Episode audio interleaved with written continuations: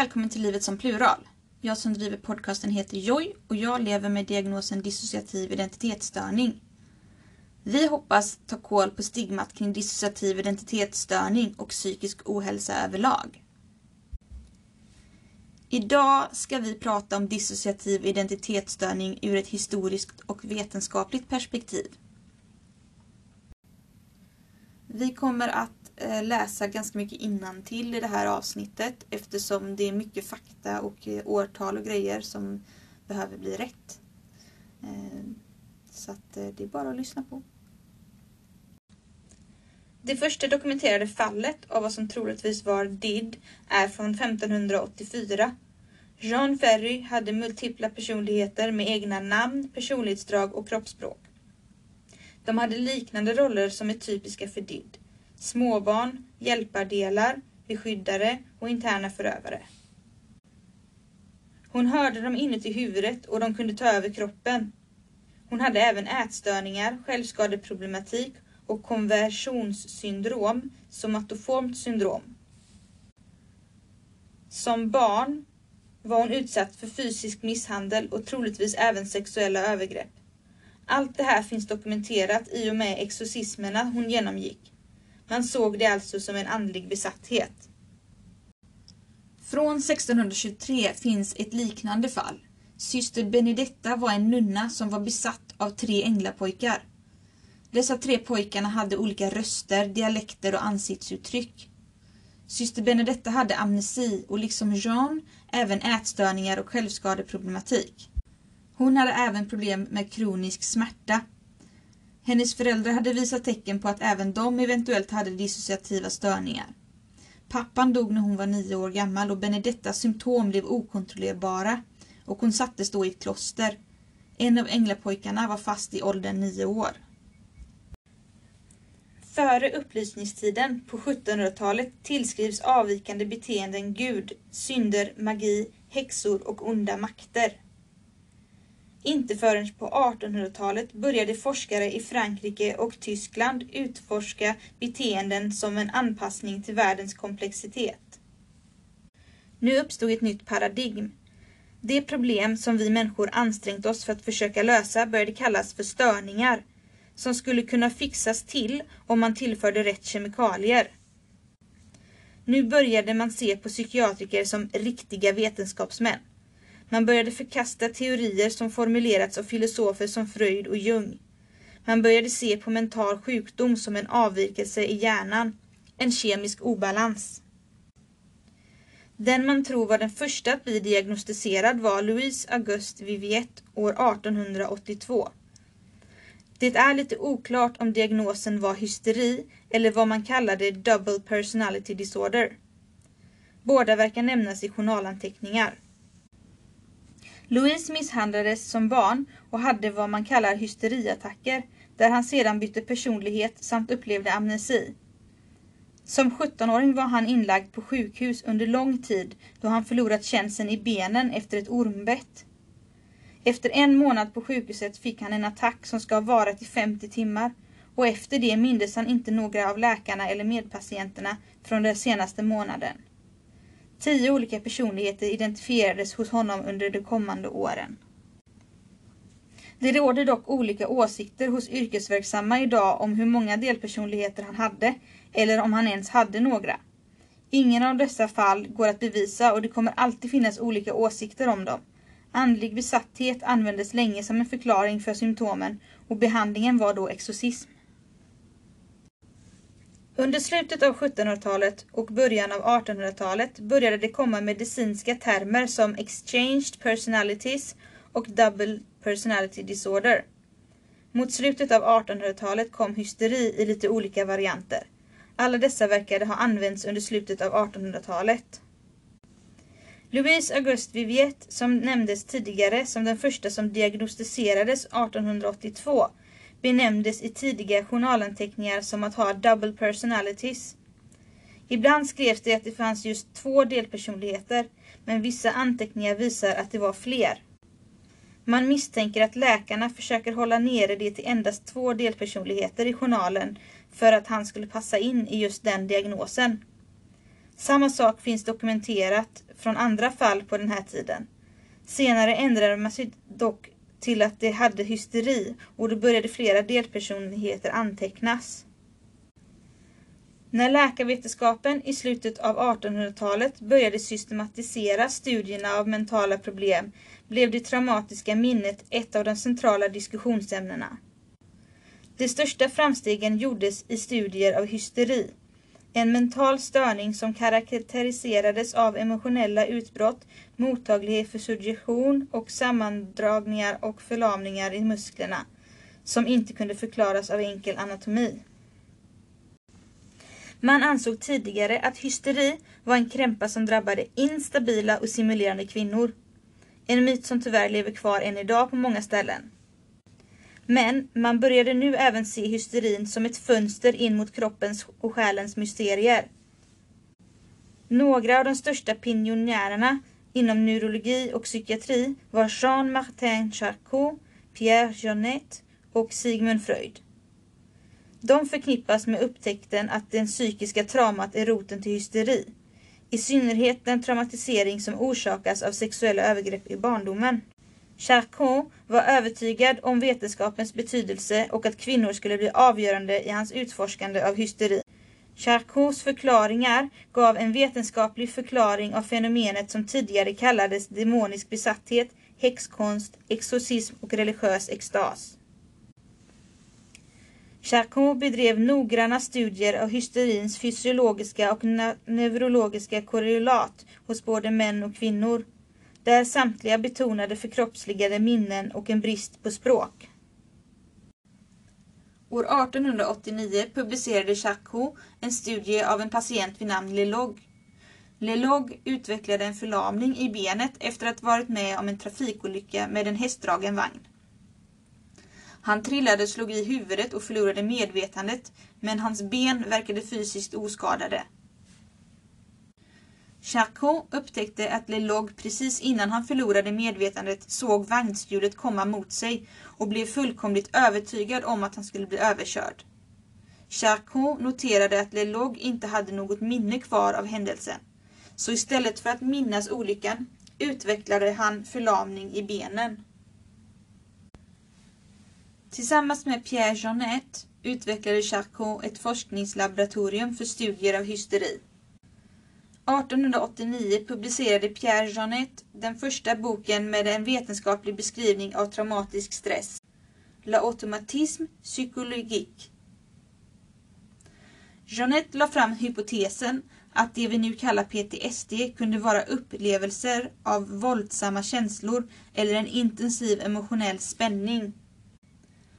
Han menade på att människor som blivit traumatiserade automatiskt fortsätter upprepa vissa handlingar emotioner och förnimmelser som är förknippade med den traumatiska upplevelsen. Dr. Jean-Martin Charcot anses av vissa vara den som upptäckte DID under 1880-talet. Han kallade det då för hysteroepilepsi. Mellan 1880 och 1920 var DID under olika hysterirelaterade namn något som diagnostiserades och diskuterades relativt mycket inom vården. Man kan säga att det var en populär diagnos. 1918 myntades termen hysterical psychoneurosis som senare kom att användas i den första DSM-manualen 1952.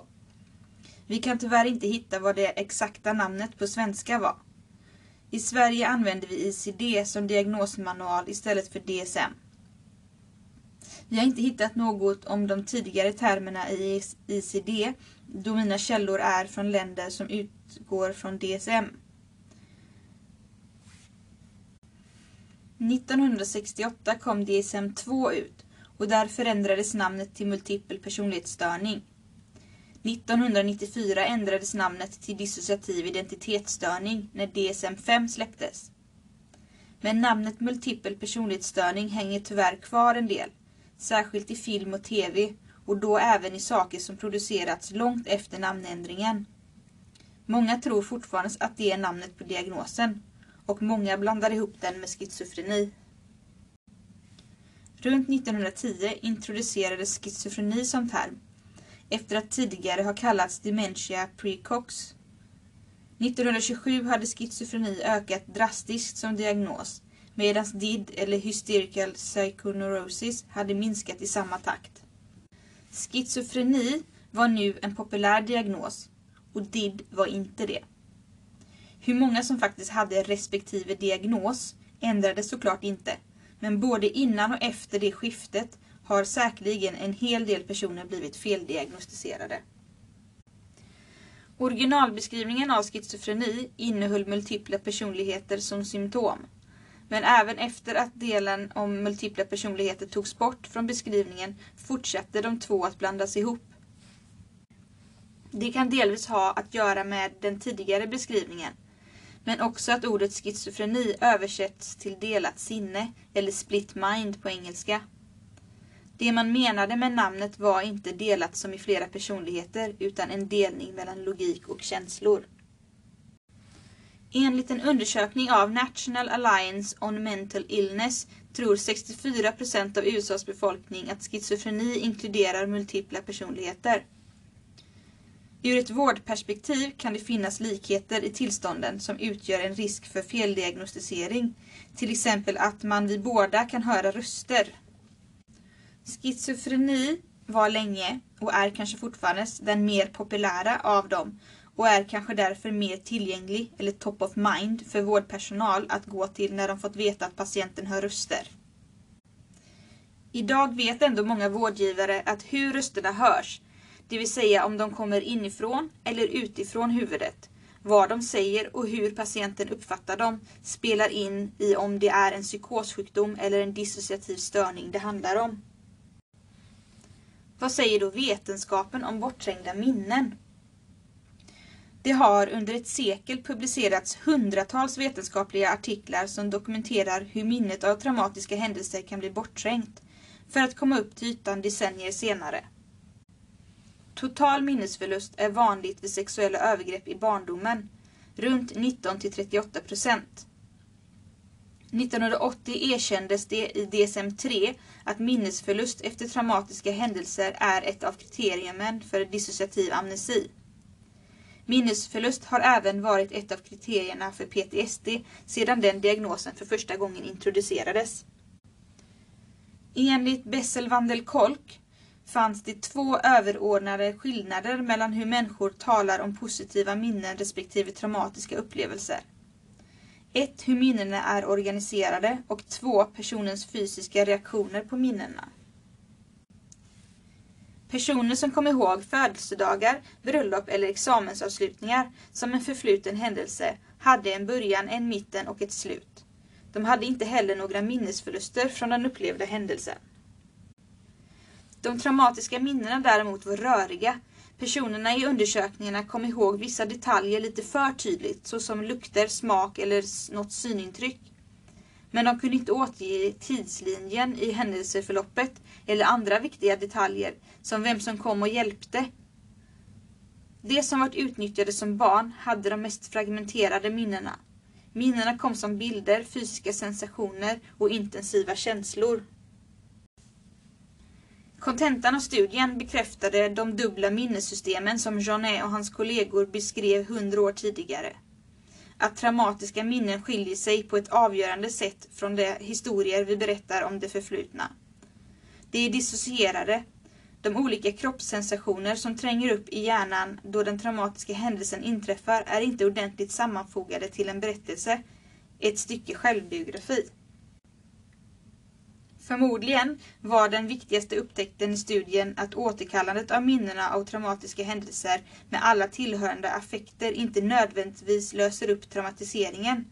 Något som Bruer och Freud gjorde gällande 1893. Studien stödjer inte tanken att språket kan vara ett substitut för handling. De flesta i studien kunde berätta en sammanhängande historia och samtidigt uppleva smärtan som hänger samman med berättelsen. Men de fortsätter trots detta att plågas av outhärdliga bilder och fysiska kroppssensationer, symptom som är typiska vid bland annat PTSD. När man har PTSD och andra traumarelaterade syndrom fortsätter hjärnan producera och utsöndra stora mängder stresshormon trots att faran är över. Man stannar helt enkelt i fäkta, fly och frysresponsen som fortsätter larma. En annan reaktion vid trauman kan vara att man inte nödvändigtvis tar vara på tillfällen där man kan fly och bli fri. Detta kan ju delvis förklara varför vi gick tillbaks till våra förövare för att om och om igen utsättas för övergrepp. Hellre än att experimentera med något nytt så stannar man helt enkelt i den rädslan man känner till. Är traumarelaterade psykiska tillstånd en anpassning eller en sjukdom? Enligt Bessel van der Kolk är teorin att psykiska störningar beror på kemisk obalans i hjärnan men att denna bortser från fyra fundamentala sanningar. 1. Vår kapacitet att förgöra balanseras av vår kapacitet att hela varandra. Att återupprätta relationer och gemenskap är centralt för att återupprätta vårt välmående. 2. Språket ger oss makt att förändra oss själva och andra genom att vi berättar om våra upplevelser, vilket hjälper oss definiera det vi vet och hitta en gemensam känsla av mening. 3. Vi har förmågan att reglera vår egen fysiologi, inklusive vissa av kroppens och hjärnans så kallade autonoma funktioner, genom grundläggande funktioner som andning, rörelse och beröring. När vi bortser från dessa grundläggande mänskliga aspekter berövar vi människor möjlighet att tillfriskna från traumatiseringen och återupprätta sin autonomi. Att bara vara patient istället för att vara deltagare i sin läkningsprocess skiljer lidande människor från en social gemenskap och fjärmar dem från en inte-känsla av sig själv. Vi tolkar detta som att van der Kolk menar att man inte kan medicinera bort en traumatisk upplevelse något som vi också upplever. Vi är ju medicinerade, men det gör inte ett dugg för våran PTSD eller våra dissociativa symptom. Vi tycker det är spännande hur vetenskapen utvecklas genom tiden och framförallt hur dissociativ identitetsstörning har utvecklats. Det är verkligen ingen ny diagnos. Även fast skeptikerna vill ha det till en ren humbug så är det en diagnos det forskats på ett bra tag nu. Det är spännande med ny forskning, men synd att det ska ta så oerhört lång tid att implementera och applicera det i verkligheten. Vi läste nyss en fantastisk D-uppsats om DID som Linda Henriksson och Mikaela Sandberg skrivit.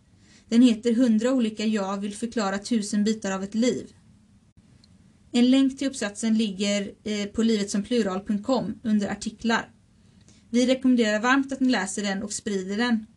Den handlar om hur det känns att ha dissociativ identitetsstörning blandat med forskning. Den är mycket intressant. Nästa avsnitt ska handla om hur man kan prata med barn om DID och psykisk ohälsa. Vi hoppas som vanligt att ni har det bra och att ni fann dagens avsnitt intressant. Ha det gött!